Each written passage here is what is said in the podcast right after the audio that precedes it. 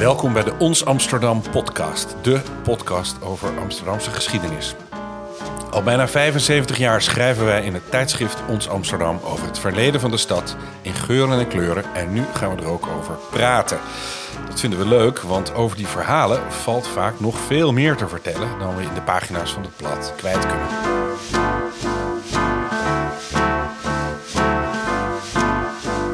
Ben Tessel Dekker, redacteur van ons Amsterdam. En naast mij zit uh, Fred Veddes, een groot kenner van de stad en van de geschiedenis van de fiets in Amsterdam. Hij schreef uh, voor ons aprilnummer uh, over de beroemde of beruchte strijd van tien jaar geleden om de onderdoorgang van het Rijksmuseum open te houden voor fietsers. En over dat die strijd eigenlijk om die onderdoorgang eigenlijk nog veel verder teruggaat. Nou, welkom Fred. Hallo. Um, Waar komt jouw uh, belangstelling voor het fietsen in Amsterdam eigenlijk vandaan? Daar kan ik twee antwoorden op geven. Eén, um, de, ik, ben geïnteresseerd in, in de stad, in, uh, in hoe de stad werkt, hoe de stad zich uh, heeft ontwikkeld en zich blijft ontwikkelen. En daarbij zie ik de stad niet alleen als een verzameling van um, gebouwen en um, mensen en verhalen, maar ook als een verzameling van, van be, be, be, bewegingen. Uh, de, de, manier waar, waarop mensen de, uh, zich in de stad bewegen, dat vormt mede de, de, stad. Amsterdam was eeuwenlang voor, vooral een loopstad. in de 20e eeuw zijn heel veel steden, en ook Amsterdam voor een groot deel, autosteden geworden. Um, en dat, dat, dat is meteen een heel ander karakter. Niet alleen zie je dat op straat, maar je ziet het ook aan uh, bestemmingen, hoe lang het duurt om, om, om ergens te komen. Uh, en het bijzondere van Amsterdam is dat in die 20e eeuw uh, naast lopen en, en autorijden en openbaar vervoer uh, ook nog een, een soort derde of vierde weg is, is, is gebleven en een nieuw leven heeft gekregen. En dat is de fiets. Dus als je in Amsterdam geïnteresseerd bent, als je het wilt snappen, dan hoort de, de, de fiets daarbij. En de tweede reden is natuurlijk dat ik zelf ook, ook in, in de stad vooral fiets. Ja, liever de fiets dan de auto, dus. Ja, ja ik heb de luxe om, om geen, geen auto nodig te hebben. Ja. We gaan uh, naar het Rijksmuseum, naar de onderdoorgang. Misschien kun je ons even meenemen naar die tijd rond de verbouwing. Hè? Het is opgeleverd in 2013. Maar er, uh, uh, die plannen waren natuurlijk van daarvoor. Uh, waarom wilden die architecten die bestaande situatie eigenlijk veranderen? En waarom was het zo'n hot issue ineens geworden? Ja, ik denk dat, dat je niet in de eerste instantie naar de architecten moet kijken, maar naar hun, hun, hun opdrachtgevers en naar Ehm, dat, dat, dat is dus het Rijk, maar ook de gemeente speelt er ook een rol in. En um, het is verhelderend als je het verhaal begint ergens in, de jaren tachtig. Toen um, er een aantal um, opzienbare nieuwe of gerenoveerde, gerestaureerde musea uh, verschenen. Het Louvre en, en het Musée d'Orsay in, in Parijs waren uh, spectaculair. En dat was ook de tijd waarin uh, werd besloten dat uh, de, binnen de Europese Unie alle, alle binnengrenzen zouden wegvallen. En dat betekende dat het makkelijker was om heen en weer te reizen, maar ook makkelijk was om handel te, te voeren. En opeens beseften steden dat ze elkaars uh, concurrenten zouden worden. En die concurrentiestrijd die uh, gingen ze onder andere voeren met cultuur, met, met, nieuwe musea. Dus je ziet in die periode, eind jaren 80 en jaren 90, over heel Europa uh, allemaal nieuwe musea, of musea die, die, die al bestonden en helemaal opnieuw um, gerestaureerd en uitgebreid werden. En dat was ook het geval met het, het Rijksmuseum. Fantastische collectie, maar een, een showvol geworden gebouw. En um, dus, dus zo in de loop van de jaren negentig uh, kreeg het plan vorm om dat echt eens een keertje in één keer heel erg goed aan te pakken begin um, kun je uh, ook markeren in, in, 1993. Dat was het moment waarop de gemeente Amsterdam uh, de, Zweedse of Deense landschapsarchitect uh, Andersson een plan liet maken voor, voor het Museumplein. En Andersson die wilde um, dat die onderdoorgang of doorgang onderdeel van, van het museum wilde worden. Hij had bedacht dat het plein een, een, een domein voor, voor, voor, voetgangers moest worden en dat al het verkeer eromheen moest. En uh, als, als niet-Nederlander en niet-Amsterdammer had hij uh, alle verkeer, dus auto's en fietsen, op één hoop gegooid. En maar, maar, daar begint eigenlijk een soort, soort, plan om de, de doorgang onderdeel te maken van het museum. En dan uh, zo rond 2000, dan uh, begint, begint het echt op gang te komen. Het kabinet uh, stelt iets van 200 miljoen euro beschikbaar om, om het echt goed te, te, restaureren. In hetzelfde jaar wordt er een, een, een, een, besloten prijswacht gehouden onder architecten en wordt het Spaanse architectenbureau Cruz Ortiz uitgekozen. En daarmee begint het, uh, het proces van ontwerpen en vervolgens aanbesteden en aannemers. En dat, dat, dat, uh, is, is, is, is dat heeft tot 2013 geduurd, inderdaad. En met ontzettend veel haken en ogen en overschrijdingen en vertragingen enzovoort. En daarvan was die doorgang eigenlijk maar een heel klein en relatief simpel onderdeel. Maar wel een onderdeel dat heel veel ja, ja. Maar goed, uh, we weten hoe het is afgelopen. Maar uh, wat we misschien nog niet weten is uh, die hele voorgeschiedenis. Want daarvoor moeten we veel verder terug ja. naar de geschiedenis van die doorgang. Waarom is die doorgang er eigenlijk in de eerste plaats gekomen? Ja. Nou, wat, wat ik toen in die periode ook dacht, het is eigenlijk een heel eh, simpel conflict tussen een gebouw en een straat. Wie is de baas, een gebouw of de straat? En, en waarom zitten die uh, zo uh, dicht op elkaar? Nou, als je dat, um, die geschiedenis uh, terug um, um, haalt, dan begint die in 1864. Je kunt bijna tot op de dag nauwkeurig aanwijzen in februari 1864. Je had in die tijd een, een, een comité dat een museum, ehm, het, museum, eh, het museum ehm, Koning Willem I, ehm, wilde oprichten. Uh, dat, dat was het museum dat uiteindelijk het Rijksmuseum zou worden. Maar uh, zij um, hadden als locatie daarvoor in eerste instantie het, het Leidse bosje in gedachten. Die, die plek vlak buiten de, de Leidse poort. En in diezelfde tijd, want net een paar weken eerder, was uh, Jacob van Niftrik uh, in dienst gekomen van de gemeente als uh, stadsingenieur. Het was een jonge man met, met heldere ideeën, maar hij had nog, nog niet heel veel gezag binnen de, de gemeente. En hij vond de, het een slecht plan om, om daar een, een, een gebouw neer te zetten. Want, eh, dacht hij, Amsterdam lag toen nog grotendeels binnen de, de 17e-eeuwse grens. En hij uh, was ervan overtuigd dat het binnenkort uh, een stuk zou, zou uitbreiden buiten uh, die grens. En dan had je om te beginnen een hele goede verkeersverbindingen nodig tussen de oude stad en de nieuwe stad. En dan moest je niet meteen al uh, zo'n verbinding blokkeren door er een, een, groot gebouw neer te zetten waar je dan omheen moest gaan. Dus, dus hij had een, een duidelijk idee van je moet eerst um, een, een een, plan maken, een algemeen uitbreidingsplan voor de stad. Waarin je ook die, die, die verkeersstructuur, de hoofdwegen en de bijstraten uh, hebt aangegeven.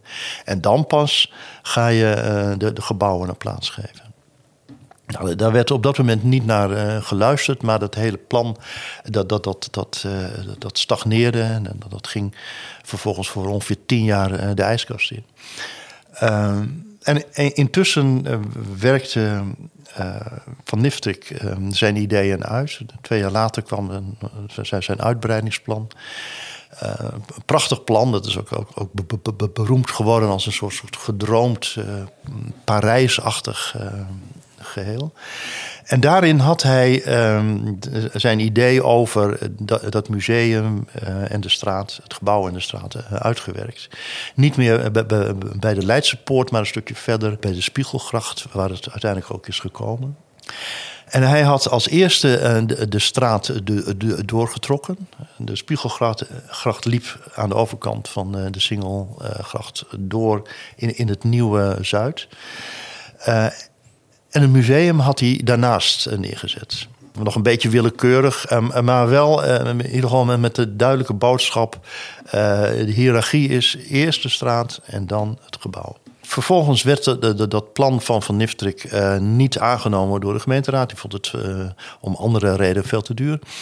Uh, en, en, ongeveer tien jaar later kwam er een nieuwe versie, die een stuk eenvoudiger en soberder was, haalbaarder. Het, plan van Jan Kalf, directeur van publieke werken.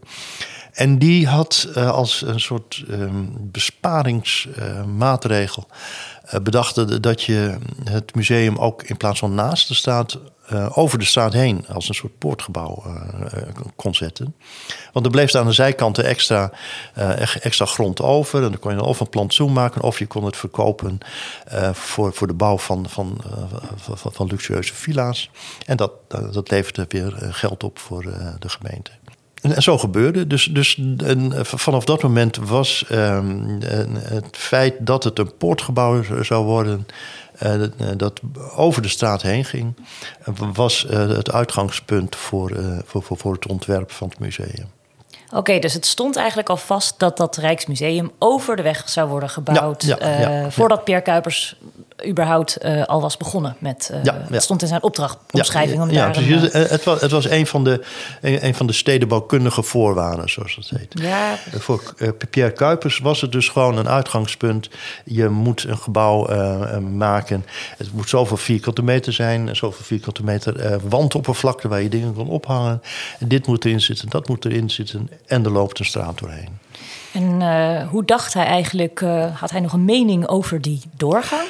Waarschijnlijk heeft hij het gewoon gedacht: ja, ik zou het misschien in het ideale geval anders doen, maar uh, het is een gegeven. En ik ga nu ook uh, een gebouw ontwerpen, uh, ontwerpen dat, dat zo goed mogelijk aan, het, aan die eis voldoet. Op een gegeven moment zei hij ook: van ja, het, het gebouw wordt, wordt in tweeën gedeeld, dus heel praktisch, dan maken we twee ingangen. Als je, als je, als je die, uh, de doorgang bekijkt, dan, dan zie je dat, dat hij ontzettend uh, zijn best heeft gedaan om er echt een hele mooie ruimte van te maken. De verhoudingen, de architectuur. Dus, dus hij heeft uh, het, het, het, niet als, als, als een soort moedje behandeld, maar als een hele waardige ruimte. Het idee was dat, dat je daardoor naar de, de nieuwbouwwijk in Zuid zou gaan. Maar die nieuwbouwwijk in Zuid, die, die haperde. Er is heel lang eigenlijk niks gebouwd. Dus uh, het museum ging, ging open in uh, eh, 1885 en eigenlijk pas zo rond 1900 begon uh, de bouw echt op gang te, te komen. Zo rond 1900 is, is uiteindelijk de, die, de doorgang geopend. Um, en toen werd hij steeds populairder en er kwam steeds meer verkeer. En verkeer, dan hebben we het over in elk geval voetgangers, maar ook al fietsers. Uh... Ja, de, eh, de voetgangers um, en ook um, paard uh, met, met, met een koets. Uh, oh, ja. en, um, en na verloop van tijd steeds meer fietsers, voor, vooral zo rond 1920 begon dat te komen. En auto's en motorfietsen, vrachtauto's, alles, alles mocht er, mocht er doorgaan. En daar was het niet echt op gebouwd. Dus, dus uh, in, de loop van de tijd, zo, zo in, uh, in de jaren twintig, uh, werd er steeds meer geklaagd en een alarm geslagen dat ehm, het gebouw eh, stond te schudden als, zware vrachtwagens ehm, er doorheen reden. En dat er, dat er scheuren begonnen te komen. En, dus toen, he, toen heeft de, die directeur Schmid de Degener um, ervoor gepleit om, om, ehm, om die onderdoorgang af te sluiten, in ieder geval voor, gemotoriseerd verkeer. En dat gebeurde ook. Dus ehm, eerst kwam er een, een, een inhaalverbod en, en, een, en een maximum snelheid. Uh, en uiteindelijk in uh, 1931 is, is, is, die passage helemaal uh, voor auto's afgesloten. Ja, ja. En dat is eigenlijk de geboorte van, van, eh, van die doorgang als, als fiets. Uh, als, ja, als, fietspassage. Dat hij echt uh, daarvoor vooral werd uh, ja. gebruikt. Wat erbij kwam, uh, was dat vanaf die meneer Schmid-Degener ook steeds weer um, directeuren van het museum ervan droomden om die ruimte bij het museum te, te trekken. Eh, natuurlijk als je. ehm, als, als het een ruimte van, de, van het museum was, dan kon je daar een grote entreehal maken. Je kon de, de kaartverkoop, een restaurant, eh, wat dan niet. Eh, En, eh, en tegelijkertijd kon je ook van daaruit eh, gemakkelijker door het gebouw eh, gaan. Dus, dus Schmid de Degener was de eerste die eh, hardop zeide dat hij graag die ruimte wilde afsluiten en dan als, als, eh, als, als museumruimte gebruiken. Er was op dat moment eh, nog, nog geen, geen sprake van. Dus eh, eh, ja, het, het, was inmiddels een, een, belangrijke doorgaande, eh, doorgaande route. Eh, zeker in, in, in- de stad die steeds meer een fietsstad eh, werd. Dus, en in die tijd eh, eh, we werkten ook nog eh, het, het grootste deel van, van, van, de, van, van de mensen in Amsterdam in, in, de, in de binnenstad. En die gingen allemaal met de fiets. Die, die gingen allemaal met de fiets. naar Ja, ja, ja. Dus de, doorga- onder, de doorgang was misschien nog wel drukker dan die vandaag de dag is met fietsen. Ja, ik denk het wel. Ja. Ja, dat is echt, echt een hele cruciale eh, schakel in, eh, in, in, in, in, in het verkeersnetwerk voor fietsers. Ehm, dus de, dus de, de, ehm, het belang eh, van die ruimte voor het museum woog niet op tegen het belang van, van, van die doorgaande openbare weg voor eh, het verkeer van Amsterdam. Nu is het tot op de dag van vandaag natuurlijk een fietsdoorgang. En eh, wat zou Kuipers ervan hebben gevonden? Van hoe, de, hoe het nu is? Nou, ik, ik denk, ik denk dat, dat, dat Kuipers ehm, eh, en Van Niftrik eh, allebei erg, erg tevreden zouden zijn geweest. Eh, en ehm, het is. ehm, ehm, het is, het, het, het- is interessant om te zien dat in die periode eh, eh, van, van, van de renovatie.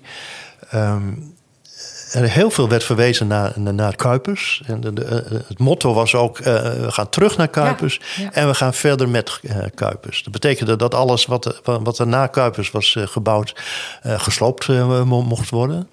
Dat, dat was eigenlijk ontzettend eenzijdig. Het, het benadrukte het gebouw. Terwijl het natuurlijk ook ehm, onderdeel van, van, van de stad was en is. Eh, zodat je eigenlijk eh, zou moeten zeggen: je, je, je gaat eh, terug naar Kuipers, maar je moet even goed terug naar Van Niftrik. En vervolgens ga je ook weer verder met Van Niftrik. En, en ik denk dat dat heel erg goed is, is, is, is gelukt. En, en ik denk, je, moet je, ook, je, je kunt je ook niet voorstellen dat er in die onderdoorgang echt zo'n zo, zo, lelijk trapgat eh, zou hebben gezeten. nee. Dus, dus die, eh, de, de entree aan de zijkanten naar de binnenhoven, zoals Kuipers het trouwens zelf ook al had gefantaseerd. Ja, dat is eigenlijk een hele simpele en elegante oplossing geworden. Nou, mooi. Eind goed, al goed. Daar sluiten we dan deze podcast mee af. Eh, dit was de Onze Amsterdam podcast. Bedankt voor het luisteren. Het besproken artikel kunt u teruglezen in ons aprilnummer. Dat ligt vanaf vandaag in de winkel. Wilt u nou meer Amsterdamse verhalen? Kijk dan op onsamsterdam.nl of volg ons op Facebook of Instagram. U kunt zich natuurlijk ook abonneren op deze podcast. Reageren of vragen stellen, dat kan via redactie apenstaartje onsamsterdam.nl. Deze aflevering werd gemaakt door mij, Tessel Dekker, redacteur van Ons Amsterdam, en Koen Klein, onze hoofdredacteur. En de muziek werd gemaakt door Sjaak Dauma. Tot de volgende keer.